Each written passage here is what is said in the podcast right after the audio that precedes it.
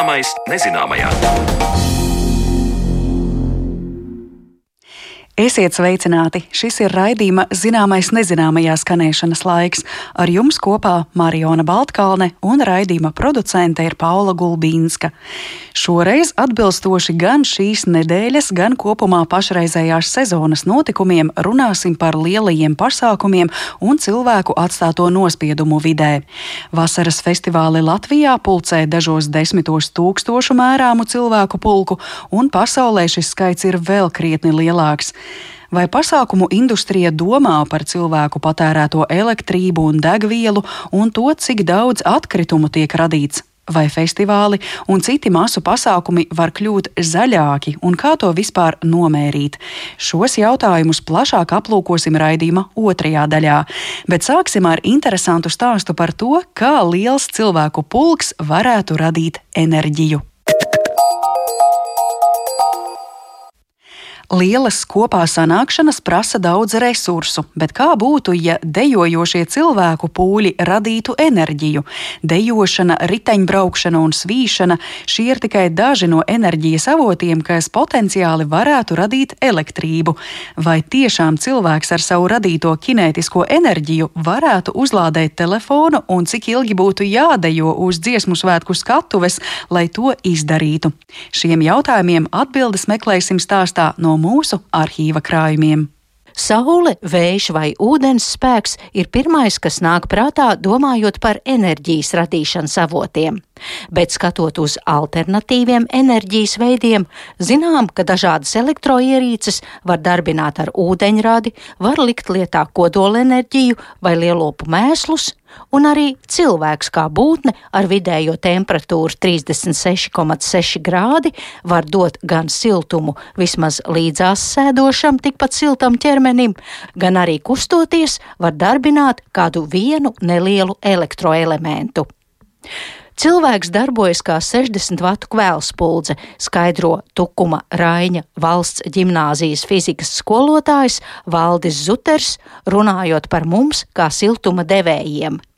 Kā cilvēka ķermeņa siltums vai kustība var radīt sadzīvē lietojamu enerģiju un kādas ierīces nākotnē varētu darbināt ar cilvēka jaudu, par to turpmākajās minūtēs sarunā ar Valdi Zuteru.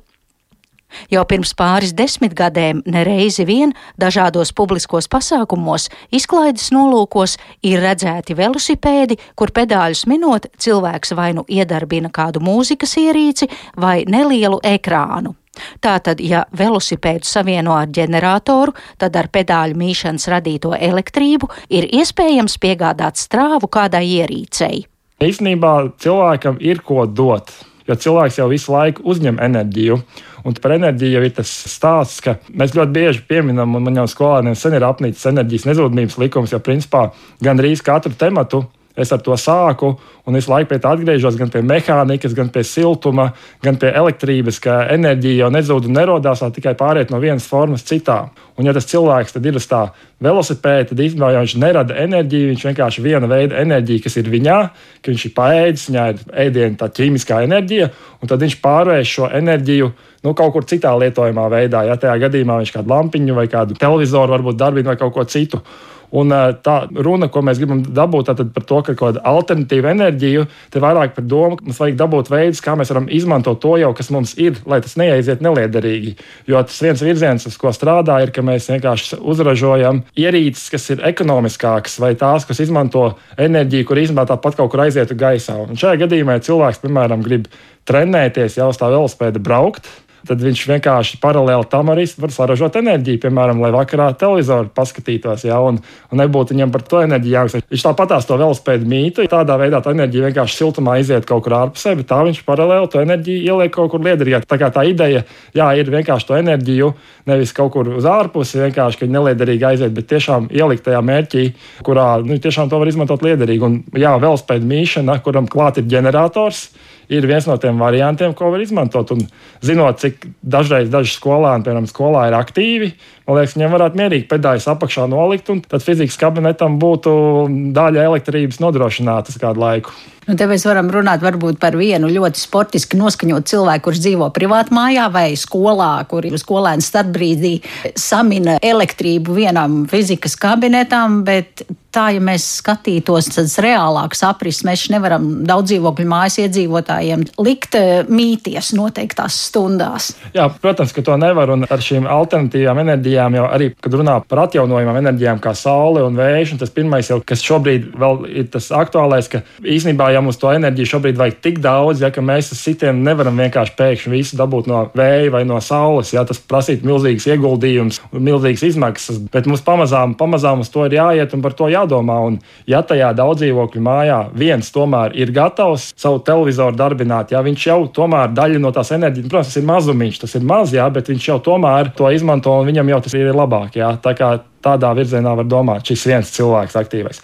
Bet pārējiem, nu, šeit bija runa par to aktīvo, bet nu, cilvēks jau var vienkārši paēst un sēdēt un televizoru skatīties. Un jāatcerās, ka cilvēks jau ir arī tāda siltuma mašīna un mums laiks siltums iet projām, ja mums iekšā mēs silstam, silstam, un tad siltums notiek siltuma apmaiņā apkārtējo vidi.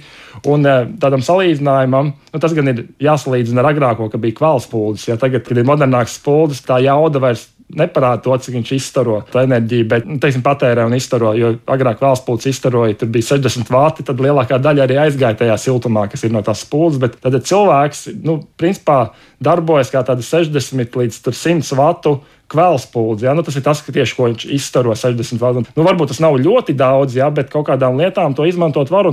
Arī par to mēs varam domāt, kā vismaz daļu no tā mēs varētu kaut kādām mazām elektroniskām ierīcēm, lai tās darbinātu savādāk, lai tās mums nav jāsprauž kaut kur citur pie kaut kādiem kontaktiem un jālādē. Tā kā arī cilvēks kā siltuma devējs ir īstenībā enerģijas avots. Bet man ir nu, grūti iedomāties reāli, nu, kā kaut vai, piemēram, es vēlētos uzlādēt savu mobilo telefonu pēc pusdienām. Tad kā to enerģiju pārraidīt bez tieša kontakta starp ierīci un cilvēku? Tad vienkārši lieta, ko skolā māca, nu, ne tik nu vienkārši lieta, bet pie kā pieskarās, ir tas, ka, ja mums ir divas telpas vai divas virsmas vai divas vietas ar atšķirīgu temperatūru, tas nozīmē, ka mēs varam dabūt uh, tur siltuma mašīnu, kas kaut ko padara. Tad, ja tiklīdz mums ir temperatūra atšķirība kaut vai viens grāds vai divi, tur ir iespējams izveidot uh, siltuma mašīnu, kas padara darbu, nu, tā skaitā varbūt arī saražo elektrību. Un, protams, fizika tādā ziņā ir vienkāršāka, tehnoloģiski grūtāk atrast, kā to siltuma mašīnu uzbūvēt, bet šobrīd jau ir ļoti plaši arī tādi ļoti vienkārši materiāli savienojumi, kur ir vienkārši plāksnīte, kur iznāk divi vadiņi, un tiklīdz tai plāksnītei viena puse ir ar atšķirīgu temperatūru nekā otra puse, tā tur jau tiek ražot elektroenerģija. Principā var slēgt klāt mazo ierīci un darbināt. Tā kā principā zinot, ka cilvēkam, jā, nu, cik tā temperatūra ir uz viņa organismu, kā nu kurā vietā uz, uz ķermeņa, un kā ārpusē tā ir mazāka, pietiek to plāksnī tikai pielikt klāt. Un tur jau principā var slēgt klāt jau un darbināt. Protams, jā, tur nav tā, ka mēs teikt, pieliksim un aiziet mums visa māja. Te būs nodrošināta. Bet te ir tas stāsts par to, ka mums ir ļoti daudz tādu mazu patērētāju, visādi sensori, kas mums drīz būs vajadzīgi, te paši telefona lādēšanas, kas nav milzīga enerģija patēriņš, lai tās nebūtu ar vadiem tur jāslēdz klāt. Tad mums ir iespēja to jau tik daudz, kā vismaz to paņemt un uzlādēt ar to, kas nu, mums ir un kas tāpatās aiziet nu, gaisā un, un uzsildīt apkārtni. Nereizi vien pēdējos gados ir dzirdēts par viedajiem apģērbiem, kuros ir iestrādātas ierīces, kas pārvada elektroniskos impulsus no kādas ierīces uz cilvēka ķermeni. Tad iespējams, ka nākotnē arī varētu būt tā sauktās gudrās jakas, kas, piemēram, ar cilvēka ķermeņa siltumu vai izraisītām kustībām lādē turpat kabatā esošo telefonu. Un tādi apģērbi tiešām ir mēģināts būvēt, bet te ir jāatcerās, ka tā enerģija ir maza. Tas nozīmē, lai to savāktu pietiekoši daudz, arī lai panāktu šo telefonu lādēšanu, ka tas šobrīd ir ļoti, ļoti dārgi tās izmaksas, lai to uzbūvētu. To tehniski arī izdarīt var. Eh, fizika atbalsta, bet, lai to iekļautu apģērbā, lai tas būtu cilvēkam droši, lai tas būtu pietiekami liela tā enerģija, lai varētu kaut ko darbināt, tas vienkārši ir ar milzīgām izmaksām. Un, nu, tas izaicinājums ir, kā panākt to, lai tās izmaksas nebūtu tik liels. Un tas pats, ko mēs redzam arī ar saules paneļiem, ar saules baterijām, kā viena no tām problēmām ir, tas nav tā, ka mēs aizējām uz veikalu, nopērkam pāris simtiem saules baterijas un varam darbināt. Šobrīd tas nav ļoti lēti, un arī pēc tam, kad ir nolietots, ja, ko ar to darīt. Ja mēs tajās drēbēs iestrādājam to lādētāju, tad mēs droši vien tā vienkārši nevarēsim likt vejas mašīnā un to mazgāt. Ja, tad būs kaut kādi ierobežojumi. Ja, tie ir tie izaicinājumi, kāpēc mums nav tāda produkta jau, ka mēs tagad eh, ejam veikalā un pērkam. Ja. Ir tādi ļoti atsevišķi kaut kādi elementi, bet, protams, ka to mēģina un dara un attīsta, un kaut kad jau būs, tikai tas ir eh, nu, teiksim, tāls ceļš, lai tas tā nonāktu viegli, brīvi pieejams. Jo mums jau arī, eh, tad, kad mēs kaut ko nopērkam, mums nepatīk lasīt instrukcijas. Mēs instrukciju lasām tikai tad, kad jau pirmais ir sabojāts, un nopērkam parasti otrai precē, lasa instrukciju beidzot, kā bija jālieto. Un jā, ar šādām tur būtu ļoti uzmanīgi, kā lietot, un cilvēkiem jau tas nepatīk. Viņi grib nopērk, uzvelk, staigā, nomet stūri, iemet vejas mašīnā, izmazgā, bet te tas tik vienkārši nevar būt, tāpēc arī mums palēnām, palēnām mēs ejam tā virzienā. Bet tas, ka cilvēki to izstrādā, mēģina, tas, protams, ir. Nesen Spānijā bāzēts naftas un gāzes uzņēmums Kepsa savā interneta vietnē publicēja rakstu par dažādiem alternatīvās enerģijas veidiem, un tostarp runājot par cilvēka radīto enerģiju, tika minēts piemērs par dažiem naktsklubiem Eiropā, kur deju grīda ir izveidota tā, ka tā spēj savākt enerģiju no dejotājiem, lai kluba zālē nodrošinātu apgaismojumu un mūzikas atskaņošanu. Šo piemēru minēja arī Valdim Zuteram. Tā ir tā pati kustība, tikai šajā gadījumā nevis minās uz velosipēda, bet, bet lēkā uz grīdas. Tā arī ir enerģija. Un, protams, ka to var izmantot, un tajā dotajā piemērā jau arī tā enerģija tika izmantot, lai pēc tam apgaismojumu darbinātu. Bet tādā apgaismojumā, protams, tās ir mūsdienīgas spuldzes, tās laikam bija ledus spuldzes. Nozīmē, ka tā enerģija jau ir ļoti e, ekonomiski izmantot. Tas nozīmē, ka mums vajag arī ekonomisks ierīces, ko darbināt, un mēs to varam darīt. Protams, un arī cilvēks, kad viņš staigā, viņam ir šīs kustības uz augšu, viņš tā kā, tā kā svārstās, un ir arī ierīces, ka mēs ieliekam somā. Un Somija arī tā kā mums tā kā svārstās līdzi, ka mēs ejam tādā pišķi uz augšu, uz leju. Un arī tajā kustībā ir iespējams iegūt šo enerģiju no, un pēc tam pārvērst, lai mēs varam kaut ko uzlādēt. Un mēs to varam izmantot, un to jau cilvēki izmanto. Tikai vēlreiz jāatcerās, ka tā enerģija nu nav tāda, ka mēs tagad visu pasauli darbināsim, bet, bet ņemot vērā, cik ekonomisks paliek ierīces un izmēt, cik daudz mums vajag. Ja mums šobrīd elektrobaterijas ir visur, viss, mums ir ierīces, sensori pilns, tas nozīmē, ka tās vajadzības ir ļoti daudz. Un, ja mums tās visas ir jāsaslēdz kaut kur pie tīkla, mums pat ir grūti, jo tās vietas jau sāk kontakts, sāk palikt par maz, lai vakarā savus kreiteni uzlādētu, telefonu uzlādētu, planšetu uzlādētu, nu, un ko tikai vēl, vēl uzlādāt. Bet, ja tev pie tā apģērba ir tas lādētājs vai tajā somā, un tu ejot, var pieslēgt, piemēram, klāt, jā, tas nozīmē, ka tev tas telefons laika ir uzlādēts. Pirmkārt, tev atslogojās tas, ka tev mājās kaut kur viņš jāliek, un, un otra lieta ir tas, ka īstenībā tā ir drošība, jo šobrīd uzlādās telefons, tas ir viens no drošības punktiem, kam ir jābūt. Tev vienmēr jābūt maksimāli uzlādētam telefonam. Jo ļoti bieži skolēni atnāk no rīta, fizikas kapitāla skolotāji var uzlādēt telefonu, man tur 20 vai 10%. Saka, nu, kā tas var būt? Tu atnāc uz skolu, un tagad tu kaut kad iesi, tev tu pēkšņi kaut kas notiek, un tu nevari piezvanīt. Tev telefons ir izlādējies, ja? vai tu kaut kur nonāc, un tev baterija tukša. Tā kā principā Tas ir arī drošības jautājums, ka tā enerģija ir pieejama nu, vismaz tādā daudzumā, lai uzlādētu telefonu, jebkurā brīdī, kad tas ir iespējams. Un, un tā šādām jaunām tehnoloģijām, no ķermeņa siltuma, no kustībām, tas vienkārši arī drošību nodrošina, un tas cilvēks vienmēr ir sasniedzams modelējot tālāk šo vīziju, cik droši tas būtu pašam enerģijas ražotājam, konkrēti cilvēkam. Tagad es kabatā lādēju savu mobīlo, ejot man pa ielu, vai tur nevar rasties kāds īsavienojums starp cilvēku un to ierīci. Protams, tas ir viens no tiem iemesliem, kāpēc arī nav tā, ka mēs saražojam uzreiz, mums ir tirgo pilns ar kaut kādiem produktiem, ja visi apģērbi ir pilni, jo bez tā, ka tas ir tehnoloģiski izaicinoši, dārgi un tā apkope tam lādētājam vai tai ierīcei ir grūta, ir tas, ka nāk arī šis kā tas miedarbojas ar cilvēku. Un, uh, mēs jau redzam, ka ar telefonu jau vien pašu nu, iesaka nenēsāt ļoti tuvu ilgi, ja, un nerunāt ilgi pie auss. Ir pierādīts, ja, ka pēc kaut kāda laika tev tur ir pa kādu grādu tie audi ir uzsiluši, ja, un ka tas nav visticamāk veselīgi, ja, ka vajag maksimāli brīvroku režīmus izmantot, lai nebūtu tev pie visām ķermeņa daļām. Un, protams, līdz ko mums tādi kaut kādi elementi ir virsū, tur ir jābūt milzīgai pārliecībai un pētījumiem, ka tas tiešām ir droši, ka tas neizraisa kaut kādas alerģijas pēc tam vai, vai reakcijas nu, no, no cilvēka jebkuras sistēmas ne, negatīvas, jau un ilgtermiņā neietekmē veselību. Un tas ir atkal viens no tiem, ka tas ir jāizpēta pirms mēs tādas lietas laižam tirgu un piedāvājam cilvēkiem. Tas, kā es šobrīd skatos, es vairāk skatītos tiešām uz tādām ierīcēm, kas ir vairāk, varbūt tālāk no cilvēka.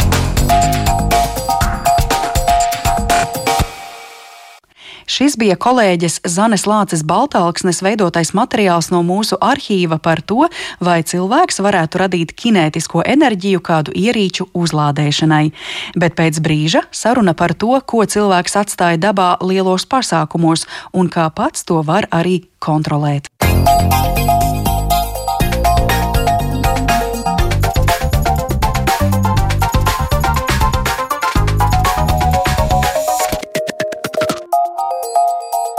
Zināmais nezināmajā.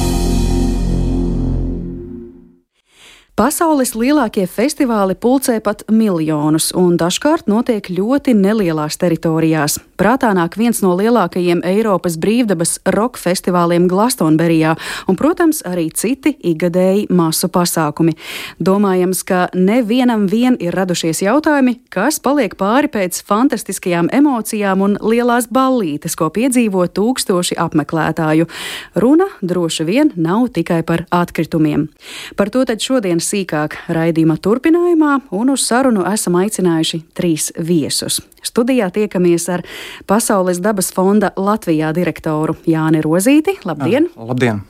Un attālināti mums pievienojas vides zinātnes doktors, biedrības Zaļā brīvība vadītājs Jānis Brizga. Labdien! Labdien! Kā arī saruna festivāla lampa producente Lelde Prūse. Labdien, Lelde! Labdien! Jā, mēs eh, tiekamies eh, dziesmu svētku nedēļā. Rīgā šobrīd notiek eh, ļoti daudz un dažādu aktivitāšu, bet ja mēs palūkojamies atpakaļ, nesen bija arī Līgo svētki. Arī Līgo svētkos Rīgā bija lieli pasākumi Dzeguškalnā, Grīziņkalnā, Meža parkā. Vēl pirms tam maijā notika pasaules hokeja čempionāts. Jautājums, vai lielā pilsētā, nu tādā pilsētā kā Rīga, ir svarīgi šādas slodzes fiksēt, un vai kāds to vispār dara? Raugos uz Jāni Rozīti. Jā, nu, laikam, kad šonadēļ dziesmu svētku nedēļā jāsāk ar to, ka tiešām šī dziesmu svētki un deju svētki ir nu, tāds ļoti nozīmīgs pasākums latviešu tautai. Un šī saruna, ticamākais, mums nebūs par to, vai vajag vai nevajag šādas tradīcijas kod, bet par to, kā šīs tradīcijas turpināt ar iespējami mazāku ietekmi uz vidi. Un saprast, vispār, kad ietekme ir apzināties. Un eh, pasaulē šobrīd mēs biežāk dzirdam šo diskusiju par eh, klimata pārmaiņu, dzīvās dabas izzušanu, sociālajiem aspektiem, ekonomiskiem aspektiem. Mazāk Latvijā mēs runājam par ietekmi uz kultūru, uz kultūras mantojumu. Katrā ziņā pasaulē tā ir ļoti nopietna diskusija, un sākot ar teritorijām, kuras tiek ietekmētas tieši no klimata pārmaiņām, vai tie ir plūdi, sausums, okeāna piekraste, vai arī pamatiedzīvotājiem jāmaina teritorijas šiem šīm klimata pārmaiņām. Katrā ziņā šī saruna turpinās, un pavisam nopietni tiek domāts arī, kādā veidā mazināt ietekmi šīm klimata pārmaiņām, lai šī šīs kultūras tradīcijas saglabātos. Un tas ievads varbūt saistībā ar to, ka šodien mēs esam tādā nolikts, piecas gadus pasākumā ar 150 gadus ilgām tradīcijām. Par to, ka šī ietekme ir jāvērtē un par to jādomā, mums atpakaļ ceļa nav. Un, ja mēs gribam kādas pilsētas mērogā, ja mēs gribam valsts mērogā, ja mēs gribam um, valstu grupas kā Eiropas Savienība starptautiski diskutēt par to, kā mēs mazināsim klimata pārmaiņas, kā mēs virzīsimies klimata neutralitāti, tad viss šīs ietekmes jāvērtē. Jo es pieņemu, ka svētki, šāda līmeņa svētki, kāda šonadēļ, pēc gadiem 10, 15 uh, būs nu, ļoti stingri uzskaitīti pēc šīm ietekmēm. Ja šobrīd tas notiek ar tādu brīvprātību, nedaudz reizēm arī kā vieglu joku, nu, tas tā ir tāda sociāla atbildība. Tad es domāju, ka šie būs pēdējie svētki, un arī Pasaules dabas fonds ir padomdevējs šiem svētkiem. Mēs vairāk tiešām esam mēģinājuši, nu, ko tad var ar šī brīža izpratni, ar šī brīža budžeta iespējām, ar tādu labo gribu, ko var mainīt, tādas ikdienas lietas, ko mēs saliekam tad uh, es domāju, jau pēc pieciem, pēc desmit, pēc pieciem gadiem tās būs diezgan fundamentāls izmaiņas jau konkrētām uzskaitēm. Jo gal galā Rīga arī grib virzīties klimata neutralitātes virzienā, un ja Rīga neskaitīs, un par to nedomās, tad arī šis ceļš uz klimata neutralitāti pēc būtības ir nu, apgrūtināts. Mm. Es pareizi saklausīju, šobrīd tas eh, ceļš notiek vairāk tādā padomu došanas līmenī, kā mums sagatavoties pareizi, lai šos svētkus maksimāli videi draudzīgi svinētu, bet ne tik daudz mērot to ietekmi pēc pasākuma, vai tomēr ir abos virzienos? Uh, mēs noteikti mērīsim Jānis Brīsgā. Mēs kopā ar Jānu Brīsgu ikdienā strādājam šajā jomā arī dziesmu dēļ svētku kontekstā. Tad, tad no vienas puses tie ir ieteikumi institucionāli ieteikumi organizētājiem, tie ir ieteikumi partneriem, biznesa partneriem, dziesmu svētku rīkošanā. Un tālāk mēs plānojam diezgan skrupulozi, cik nu iespējams būs dati, izvērtēt, kāda ir šī ietekme, un arī sniegt rekomendācijas par to, kā mazināt. Tad šie dati, ticamāk, nebūs ar kaut kādu referenci lienu, un mēs varēsim aplūkot, kā mēs esam iztīšies jau nu, tādā, nu, pirms pieciem gadiem. Šobrīd šī būs pirmā reize, kad mēs uh, dziesmu un deju svētkiem tiks uh, izmērīta šī ietekme. Tas vairāk par to, kā virzīsimies tālāk uh, un kā attīstīsies nākotnē. Mm -hmm. Raugos uz otru Jāni, Zoom ekrānā. Varbūt Jāni, jūs varat šo sarunu paturpināt, minot arī kādu vienu piemēru, kādu padomu dodat pirms svētkiem un kādu vienu konkrētu ietekmi, ko mērīsiet pēc svētkiem Rīgā vai varbūt konkrēti Meža parkā. Jā, nu dažādiem šāda veida pasākumiem tās ietekmes var izpausties visdažādākajos veidos. Tie nav tikai atkritumi, kas bieži vien cilvēkiem liekas, kas paliek pēc kāda koncerta vai pasākuma, kad viņi vizuāli redz, ka tur ir izmētāti trauciņi un citas lietas. Mēs skatāmies nu, kopumā, kāda ir šī ietekme. Piemēram, viena no lietām, kas um, šāda veida pasākumiem rada lielākās ietekmes uz vidu un klimatu, ir dalībnieku un viesu pārvietošanās kādā veidā viņi reāli nonāk līdz uh, pasākuma vietai. Un, uh, tas varbūt daudziem cilvēkiem liekas nu, tāda pašsaprotama lieta, nu, ka mēs braucam un uh, mums tur jānokļūst. Bet ir dažādi veidi, kā to darīt. Un par to arī mēs, piemēram, esam runājuši ar šo svētku organizatoriem, ja? arī ar Rīgu. Rīga arī nu, vismaz dalībniekiem palīdz nokļūt uh, vietās, izdalot šīs nu, sabiedriskā transporta biļetes, lai mudinātu cilvēkus nu, nepārvietoties ar uh, privātu automašīnu. Un tas nav nekas jauns. Nu, jau vairāk kā liekas, desmit gadus atpakaļ futbola čempionātos tur ļoti līdzīga praksa. Ja, tiek piekopta ne tikai tāpēc, lai mazinātu vidas ietekmi, bieži vien tas ir vienkārši saistīts arī ar kopējo pilsētas vidi un praksi. Ja, jo visi cilvēki mēģinās šādā pasākumā nokļūt ar privātām automašīnām. Skaidrs, ka nu, to pasākumu nevarēs izbaudīt darīt, jo pirmām kārtām nevarēs atrast, kur nolikt tās mašīnas un tā tālāk. Tā šis ir arī veids, kā kopumā uzlabot um, svētku svinēšanu kā tādu. Vai sanāk, ka jūs vērosiet, uh, piemēram, cik daudz cilvēku tomēr, tomēr ierodas ar privātajām automašīnām uz Daugavas stadionu un meža parku, un no tā izdarīsiet secinājumus, cik cilvēki šajā pasākumā ieteikumus nebraukt ar sabiedrisko transportu, cik ir ņēmuši to vērā? Jā, mums ir aptaujas arī, kas tiek jau rīkots un ir paredzēts arī pasākumu laikā gan uh, dalībniekiem, kur dalībnieki tiek uzrunāti, gan arī viesiem, jā, apmeklētājiem. Protams, mēs visus nevarēsim katram izsekot, ar ko viņš pārvietojas. Bet uh, tādā veidā jau mēs varam saprast tās galvenās tendences. Un, uh, es ceru, ka daudz cilvēku izvēlēsies nebraukt ar privātajām mašīnām. Mm -hmm.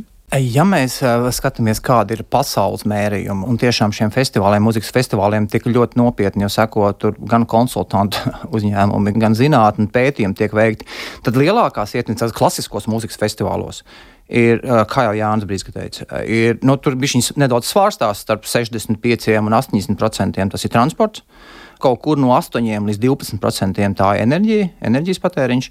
Un tāda nu, katrā nedaudz atšķirās, bet nu, kaut kādi 5, 6%, 7% atkritumi. Tas, ko Jānis teica, kad itin bieži mums liekas lielāka ietekme atkritumi, bet pēc būtības 10 līdz 11 reizes lielāks ir tieši transporta ietekme uz uh, oglekļa dioksīdu, šīm emisijām, nekā tieši atkritumi. Tā kā nu, šīs lietas ir tādas kompleksas, plašākas, un Jānis jau pieminēja dažas lietas, kur mērīsim, bet nu, mēs varam teikt, ka tā, tie mērījumi būs par transportu, tie mērījumi būs par naktsmītnēm un par norises vietām ietekmēm enerģiju. Tā būs pārtika, materiāli un atkritumi. Tad, tad tās būs piecas ietekmes, ko mēs mēģināsim šo svētku laikā izmērīt. Mm -hmm. Jā, un šķiet, ka viens no mēģinājumiem arī panākt to, ka pasākumā ir mazāk atkritumu, piemēram, plasmasas pudeļu, bija šīs dalībniekiem piešķirtās ūdens pudelītes, par ko jau sociālajos mēdījos internetā izvērsās vesela vētra par to, cik tās ir lielas vai mazas izmēros, bet, eh, ja distancējas no tā, tas tomēr bija tāds solis panākt, ka cilvēki nepatērē visu laiku plasmasas pudeles, bet ņem līdzi konstanti vienu un to izmanto visu svētku laiku. Protams, ne? protams, bet nu, nešaubīgi vienmēr būs sabiedrības daļa, kurai nebūs ērtības, kur īsti nesapratīs, kur gribēs savādāk. Jo skaidrs, ka ja mēs runājam kopumā par klimata pārmaiņām, tad pēc būtības mums ir skaidrs jāsaprot, ka pie šīs pašreizējās ātruma, kā mums ir jāmainās, ir šīm izmaiņām jābūt ērtām, viegli saprotamām, cenu ziņā ietilpīgām. Un tie ir tie jautājumi, kas sabiedrībai jāskaidro. Jo tikai 10% būs cilvēku, vai pat vēl mazāk, kas šodien ir gatavi diezgan fundamentālām izmaiņām.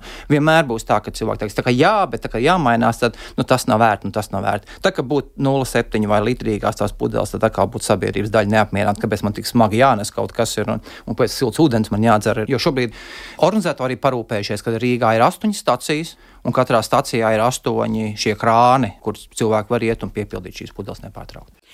Lelde, tagad vēršu skatu jūsu virzienā. Saruna festivāls Lampa arī katru gadu vēršas plašumā. Šogad festivālu rīkojāt devīto reizi. Vai arī jūs katru gadu līdz ar to aizvien vairāk un vairāk domājat par šī pasākuma ietekmi uz vidi? Cēsis, jā, izmēru ziņā mazāka pilsēta, bet tajā pašā laikā pasākums arī nekoncentrējas tikai vienā punktā. Tas uh, aptver aizvien plašāku cēsu pilsētas teritoriju. Vai arī jūs domājat par atkritumiem, par transportu, par citām ietekmēm uz to, ko lampa atstāja varbūt? Jā, nu, pirmkārt jau jāsaka, ka vidas jautājumi ietekmē uz vidi visplašākajā izpratnē. Ilgspējas jautājumi ir bijuši sarunu festivāla lampas satura daļa no pirmā tā norises gada. Līdz ar to man gribētos teikt, ka lampa savā esamībā par šiem jautājumiem gribi negribi ir domājusi jau no pirmā lampas norises gada. Man gribētos sadalīt šos ilgspējas jautājumus vairākās daļās, jo viens ir tas, ko, protams, piedzīvo apmeklētājs, un, un otra lieta ir tā, kā jau arī kungi minēja, kā pats festivāls tiek organizēts, būvēts, kādā veidā mēs domājam par festivāla izveidošanu tā, lai tas patērētu pēc iespējas mazāk resursu, plašākā izpratnē, tā skaitā arī enerģiju vai šos pašus transporta jautājumus jau minētos.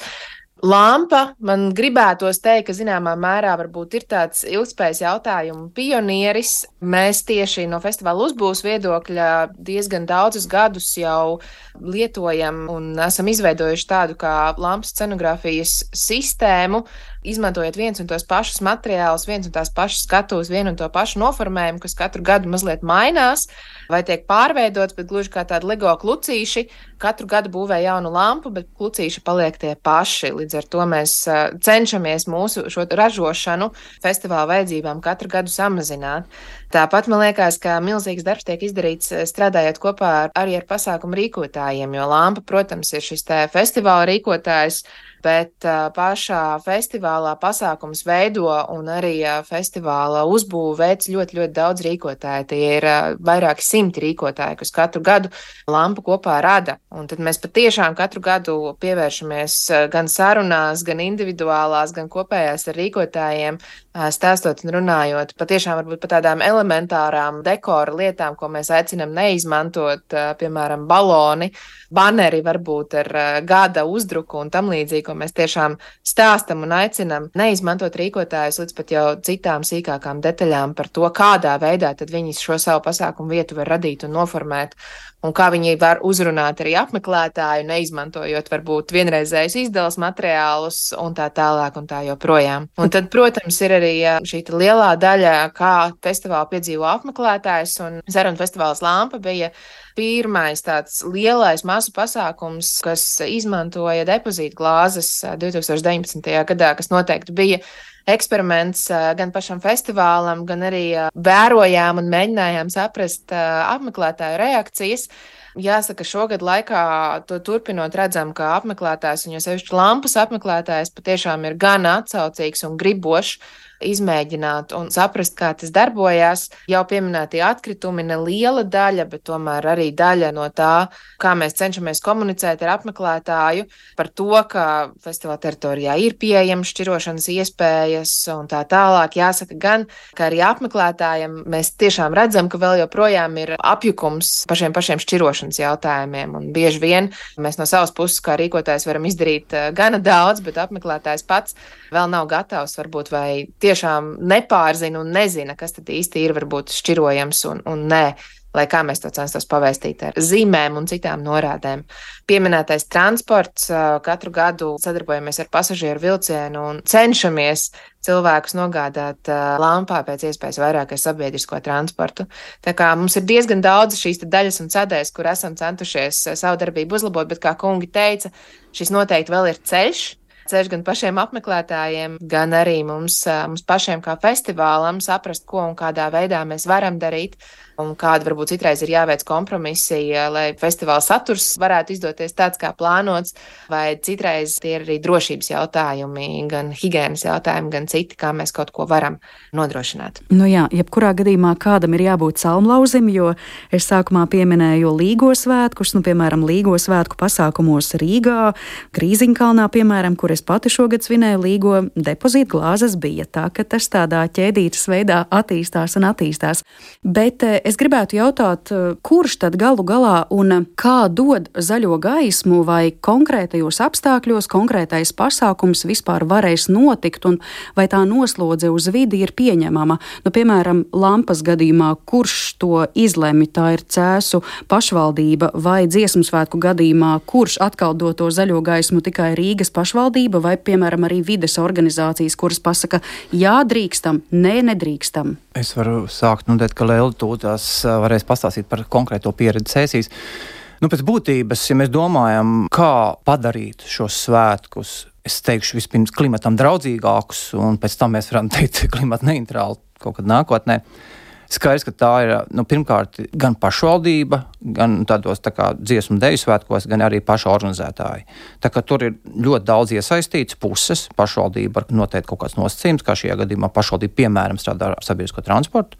Savukārt ar starppilsētu transportu iespējams strādā nu, jau paša organizētāja dziesmu svētku. Bet nu, skaidrs ir tas, ka ja tiešām to vēlās tā nopietni darīt, jābūt diezgan skaidram jau standartam pirms tam, skaidram vadlīnijām, kas notiks šajā pasākumā, šajos svētkos. Un tas ir jāpauž mēdījiem ļoti laicīgi, sabiedrībai, dalībniekiem, apmeklētājiem, lai nu, skaidri saprastu šos nosacījumus.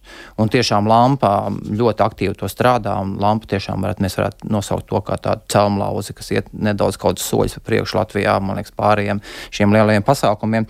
Bet tālāk jau ir nu, viss pēc šiem standartiem, kas ir skaidri pausti, tālāk jau ir zaļais iepirkums, tad jau ir, mēs varam iet vēl dziļāk, nu, ja mēs tā nopietni pieejam kaut kādām certifikācijas prasībām, ēkām vai teritorijām, ko mēs izmantojam.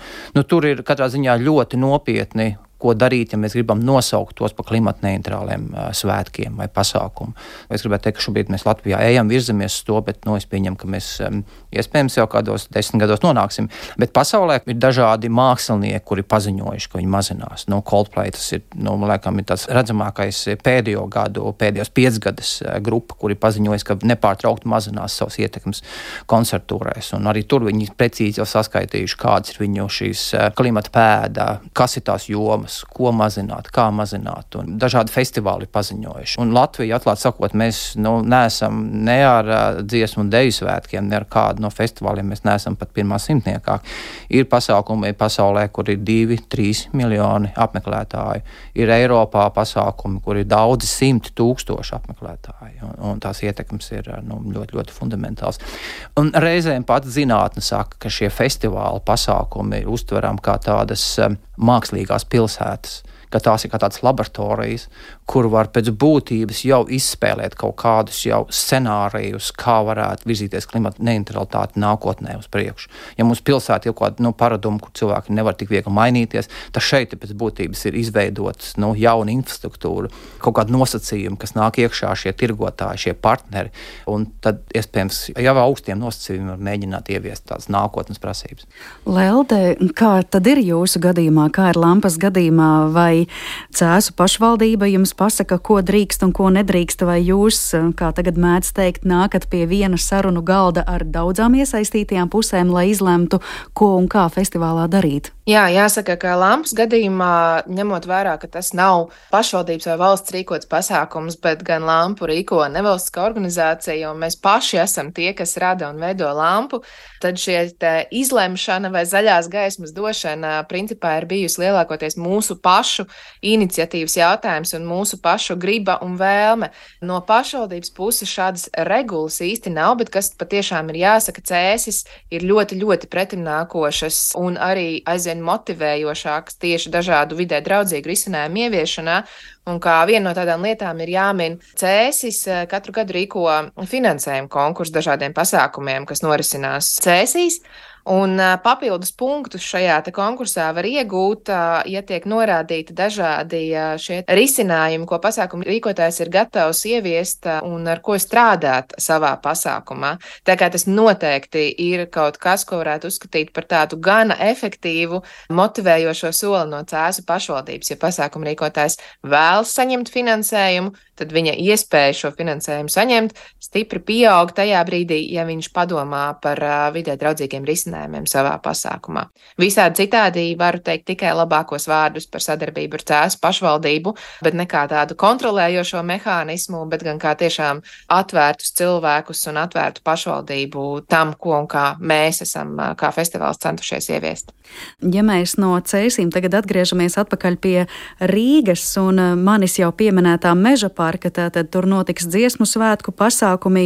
Meža parkā bija arī Līgo svētku pasākums, un pirms dažām nedēļām šajā pašā meža parkā bija arī liels elektroniskās mūzikas festivāls, un cilvēki sūdzējās par troksni, bet eh, mēs šajā sarunā vēl neesam pieminējuši, piemēram, ietekmi uz citiem organismiem, citām radībām, piemēram, putniem. Putniem galu galā ir liksdošanas sezona. Vai tas ir risks, ka šādi lielie mūzikas festivāli panāk to, ka tādā vidē, piemēram, meža parka vai citā teritorijā, putnu jau sen nav? Jānis Brisga smaida.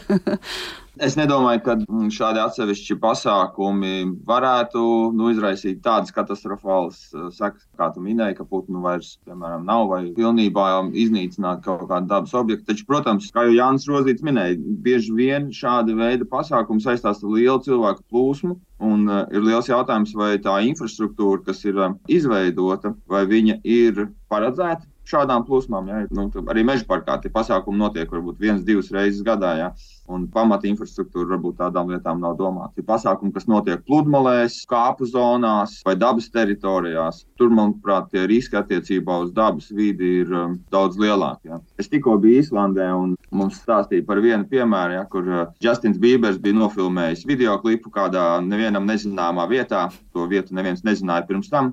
Tagad uh, cilvēku tūkstoši vai pat miljoni plūst uz šo vietu. Ja. Un, uh, nu, valstī principā jāveido infrastruktūra, ja, lai nodrošinātu to, ka tā dabas vide tur pilnībā netiek iznīcināta. Jo nu, pirms tam tur vispār neviens varbūt gadu desmitus nebija bijis, ja? un tagad tur ir milzīgi cilvēku plūsma. Kā, domāju, tur vajag kaut kādā veidā mēģināt sabalansēt šīs lietas šīm cilvēku plūsmām. Jā, jā. Uh, jā, tiešām, ja mēs tā skatāmies brīvās dabas pasākumiem, tad mums jāsaprot par šīm ietekmēm arī uz dzīvo dabu. Ja mēs to darām pilsētas vidē, tad tas ir viens, tas ir kaut kāds no cilvēkiem, citiem cilvēkiem patīk, nepatīk troksnis, gaismas liekas. Bet, ja mēs ejam un taisām šo, un arī ir festivāli un ir pasākumi, es nezinu, vai tieši šogad, bet iepriekšējos gados ir bijuši aizsargājumās dabas teritorijās, un negluži tā, ka tur apmeklē tikai 100 vai 200 vai 300 cilvēku, tur varbūt 1000 cilvēku. Skaidrs, ka trokšņa piesārņojums, gaismas piesārņojums, tā ir nu, diezgan būtiska ietekme uz dabu. Nu, kā teici, tieši līdzdošanas periodā nu, būtu jādomā par to, nu, vai to dara vai nedara tieši tādā nu, teikt,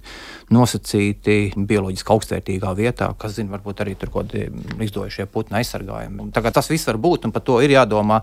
Otrs ir, tikko Jānis pieminēja par instruktūru. Nu, ir jāsaprot, ja to dara, un ja nav īsti saprotams cilvēku skaita ietekmes, turpat blakus var būt ezers vai upe, atkal ietekme tieši uz ūdeni caur piesārņojumu Nu, šie jautājumi ir ļoti nopietni un kompleksi jāvērtē. Šobrīd mēs vairāk esam skatījušies, nu, tad ir kaut kas tur notika, atkritums vācam, nu, pēc principa pēc trim dienām jau viss ir sakārtots, viss ir skaisti nogrābts bet šīs ietekmes var būt ļoti neredzamas un nosacīt arī kaut kur paliekošu. Ja mēs uztaisām jūras krastā pasākumu ar pāris tūkstošiem cilvēku un trīs dienām, nu skaidrs, ka tam ir kaut kāda ietekme.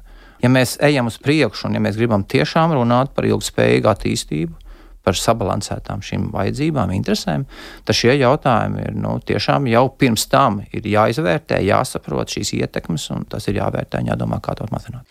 Kādos veidos to risina lielajos pasaules pasākumos? Es šeit pirmīt pieminēju Glastonberijas festivālu Lielbritānijā, tas notika arī šogad, nu, un, piemēram, 2016. gadā Festivāla organizatoriem tika piespriests samaksāt 31 tūkstoti mārciņu lielu naudas sodu par piesārņojuma radīšanu notekūdeņos. Tā kā droši vien visur viss arī nav tik rožaini, bet kas ir tas vērtīgākais, ko mēs varbūt varam mācīties?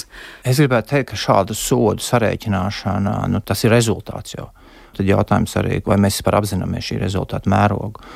Bet eh, šobrīd ir festivāli pasaulē, tāpat Beļģijā, Dānijā. Es redzu, arī ļoti Zviedrijā attīstīta šī dažādi zinātnieki nāk ar dažādiem paziņojumiem, kur pat ir tāda vienošanās, nereti kaut kāda savstarpēja vienošanās. Šveicē pat vairākiem festivāliem kopumā vērtē šīs ietekmes uz vidi, šos klimata pēdas nosacījumus. Tiek mērīti, un galvenais jau jautājums ir, vai mēs sākam mērīt, vai mēs šobrīd mākam sarēķināt, cik mēs tālu mākam sarēķināt, vai mums ir dati, un vai tas, ko mēs sarēķinām, ir pēc būtības arī, nu, es gribētu teikt, viss pilnībā. Jo mēs jau varam, nu, mēs prasām organizatoriem, mēs prasām dažādiem koordinatoriem informāciju. Nu, pēc dziesmu sēkiem mums sāksies ļoti aktīvs darbs, bet mazliet mēnešu garumā, ka mēs mēģināsim šos datus visus savākt. Bet tas arī diskusija pasaulē, cik tālu var sarēķināt, cik to patiesu ietekmi, cik tā ir liela no šī aizbēga neredzamās daļas. Jo pēc būtības, cik tālu tiekam šajās piegādes ķēdēs, cik tālu tiekam nu, visos pakalpojumos, visās produktu plūsmās. Un, nu, es pieņemu, ka arī mēs šeit, Latvijā, arī šeit dziesmu un deju svētkiem, mēs izvērtēsim, nu, teikt, tādu lielu redzamo aizbēgu daļu. Bet neredzamo mēs vēl, cik tālu tiksim. Šobrīd mēs redzam, ka ir, ja nemaldos, ir no simts valstīm dalībnieki šeit eh, Latvijas dziesmu un deju svētkos. Tas nozīmē, ka nu, mums ir jārēķina lidojumi. Ne tikai mēs varam noteikt lidojumu, bet mēs nezinām, kas tur ir iekšzemē, cik cilvēks tālu braucam vēl brauc 500 km vai 1000 pēc mazā. Tā kā tas viss ir pasaulē, tad šī diskusija ir, kad jāmēra, tiek mērīts, bet nepārtraukti ir šī saruna par to, kā vēl varētu uzlabot šos mērījumus, lai varētu pēc būtības noteikt šo patieso ietekmi. Un tālāk tam uzreiz seko rekomendācijas, mērķi, skaidri indikātori, kā mēs mazināsim dziesmu un dēļu svētkos. Mēs runājam par 5 gadu periodu, un tad mēs varētu domāt jau, ka mēs nākamgad sāksim domāt, kā tad mēs pēc četriem gadiem izveidosim šo, un ļoti laicīgi domājot par to, ko Jānis Brīsīs teica, infrastruktūru, visiem risinājumiem, ko Lelda minēja šeit Protams, tas ir vēl lielāka mēroga, bet tiešām skaidri tātad mērķis, indikators, kā mēs virzamies. Ja tie ir parasti festivāli, ikgadējie festivāli, tad mēs varam teikt, ka šogad beidzās un stūlīt plānoja jau kāds nu, būs indikators un kā mm. samazināt mm. ietekmi uz vidi nākotnē. Jā, jo droši vien tas jautājums varētu rasties, kā, piemēram, kādus mērījumus reāli sasaistīt ar tām ietekmēm uz vidi. Varētu tad vērot, cik ir tiešām šīs automašīnas pie Daugavas stadiona vai meža parkā atstātas. Mēs varam nosvērt atkritumu masu, Piemēram, man pašai pagājušajā gadā arī bija pieredze, es kādu laiku strādāju Venecijas mākslas biennālē, un tur pērkot uh, internetā ieejas biļeti uz šo izstādi, jums arī bija jānorāda, kā jūs ieradīsieties uz šo pasākumu, pie tam ar kādu avio kompāniju, un droši vien no tā arī iegūst kaut kādus datus, bet kā visus šos daudzos skaitļus, faktus tiešām reāli sasaistīt ar ietekmēm uz vidi? Varbūt jums, Jāni, Jāni Brizga, kāds komentārs par šo? Jā, nu, ir dažādi šie rādītāji, kurus mēs varam mērīt, lai mēs saprastu šīs ietekmes. Diemžēl nevienmēr tie dati ir pieejami. Mums bieži vien šie ir pirmā reize, kad mēs šādus jautājumus uzdodam gan pasākumu organizatoriem, gan tad viņi tālāk saviem sadarbības partneriem. Partneri nav uzreiz gatavi atrast informāciju, dalīties ar informāciju. Nezinu, kaut kāda informācija tiek uzskatīta par komercnoslēpumu vai par vēl kaut ko. Tas pats enerģijas patēriņš vai savāktais atkritumu daudzums. Nu, nevienmēr šādu informāciju informāciju diezgan precīzi mēs varam iegūt ja, no tiem partneriem, ar ko mēs sadarbojamies. Un tāpēc tas arī nozīmē to, ka, lai mēs izmērītu noteikti šādas ietekmes uz vidi, tas ir jāsāk jau ļoti agrīnās stadijās, veidojot šādu pasākumu. Tad, kad jūs veidojat jau attiecības ar saviem partneriem, ko jūs iesaistīsiet un tam līdzīgi, lai jau laicīgi viņiem norādītu, ka jums interesē šie jautājumi. Nu, kā jūs tikko minējāt par to, ka pērkot biļetes jau var dalībnieki pieregistrēt ja, savus maršrutus un attālumus un tā tālāk. Tā tas informācijas savākšanas un kvalitātes jautājums ir svarīgs. Tā metodika, protams, arī attīstās visu laiku, un uh, vēl arī jautājumi ir par tvērumu, kur mēs nospraužam robežas tām ietekmēm. Jo nu, tāpat ēdināšana, piemēram, cilvēkiem būtu jāēd tik un tā, nu, neatkarīgi no tā, vai viņi brauc uz dēļ dziesmu svētkiem vai uz kādu sporta pasākumu. Ja. Tad vai mēs šīs ēdināšanas pasākumus iekļaujam vai neiekļaujam iekšā. Ja. Nu, skrienot maratonu, skaidrs, ka varbūt jūs vairāk kalorijas notērēsiet, un jums vajag papildus kaut kādu spēcinošo ēdienu pa vidu. Ja? Ka to var likt iekšā, bet varbūt, kad jūs ejat vakariņas ēst restorānā, pēc tam jau to var nelikt iekšā. Tā kā arī pilnīgi tādas dažādas nianses, ja mēs varam skatīties un spriest. Bet nu, viens ir pilnīgi skaidrs, ka, um, kā jau Jānis Rozīts teica, nu, nākotnē šāda veida uzskaita būs, es domāju, standarts. Un arī pašlaik, piemēram, daudzi kultūras, arī sporta pasākumu organizatori jau paredz to, ka uh, jūs nemaz nedabūsiet tiesības organizēt šādu pasākumu, ja jūs nespēsiet nodrošināt tādu uzskaitu. Ja. Arī, piemēram, autosports pasākumu, ja, rallijas, lai dabūtu atļauju, tiesības organizēt, uzņemt šo rallija posmu. Ja, jums ir jānodrošina tas, ka jūs uzskaitīsiet, jūs sarēķināsiet, ja, un jūs parādīsiet tiem organizatoriem, ja, kādas ir tās jūsu ietekmes. Es domāju, tas iet plašumā, un arī šī uzskaita uzlabosies, un mums būs daudz labāka sapratne Tas arī noteikti pēc tam palīdz mazināt tās ietekmes. Tā nav jau mērķis tikai saskaitīt. Mm -hmm. Tomēr ir svarīgi domāt par to, kādā veidā mēs varam minimizēt tās mūsu ietekmes uz vidi. Varbūt var atļauties piebilst, kā pasākuma rīkotājs par šiem uzskaits jautājumiem. Jā, kā jau tika minēts, patiešām citreiz ir izaicinoši pie šiem datiem tikt, pat ja iepriekš ir zināms, ko un kā mēs vēlamies uzskaitīt.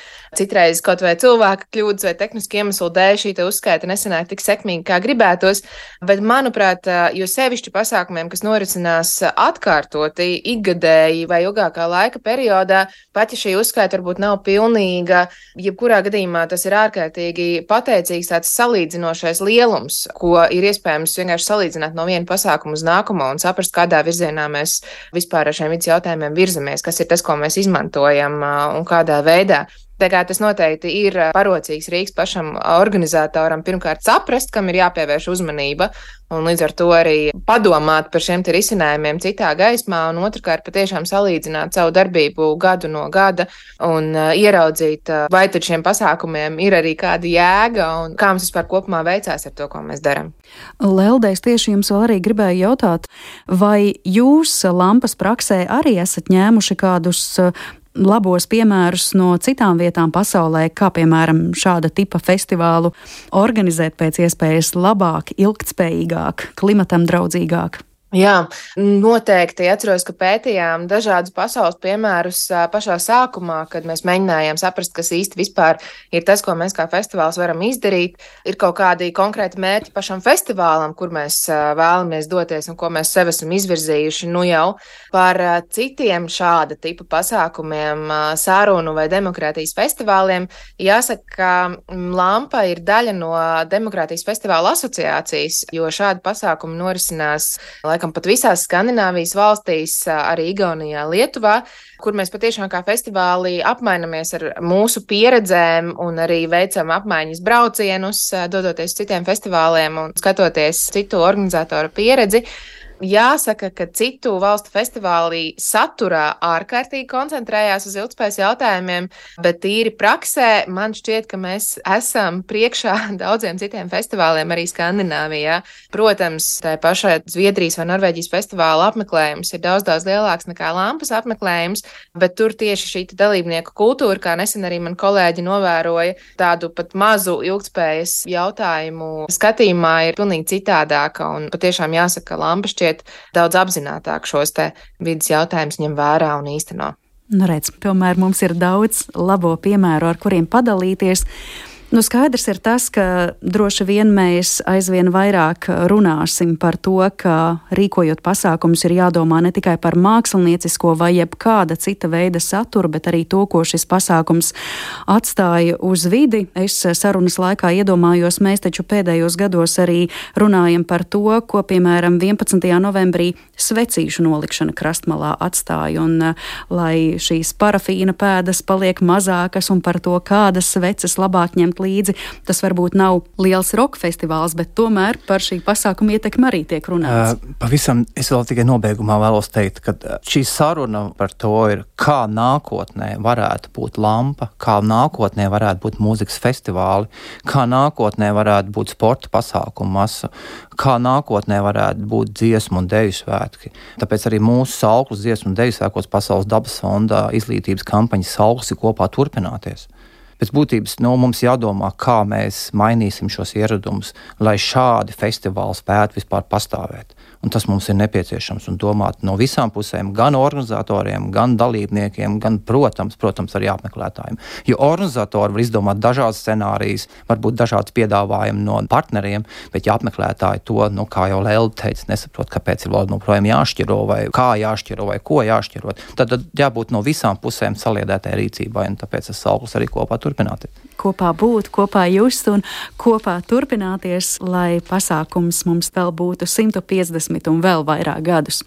Paldies jums visiem trim, ka jūs dalījāties ar savām pieredzēm. Paldies par darbu, ko jūs jau esat veikuši, lai rosinātu šīs diskusijas un lai liktu cilvēkiem par to aizdomāties. Un es vēlu lielu veiksmi izvērtējot šo pasākumu ietekmi, tad, kad tie būs noslēgušies.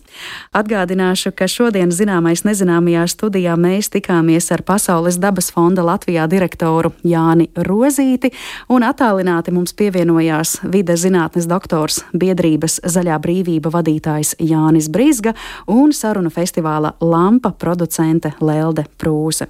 Ar to arī mūsu raidījums noslēdzas. Par to parūpējās producente Paula Gulbīnska. Mūziku šai stundai izvēlējās Girts Bišs, skaņu režijā bija Reinis Budze un Mariona Baltkalne pie mikrofona. Lai priecīga dziesmu svētku nedēļa, lai skaisti arī citi pasākumi un videi draudzīgi. Uz sadzirdēšanos atkal citu reizi. Visu labu!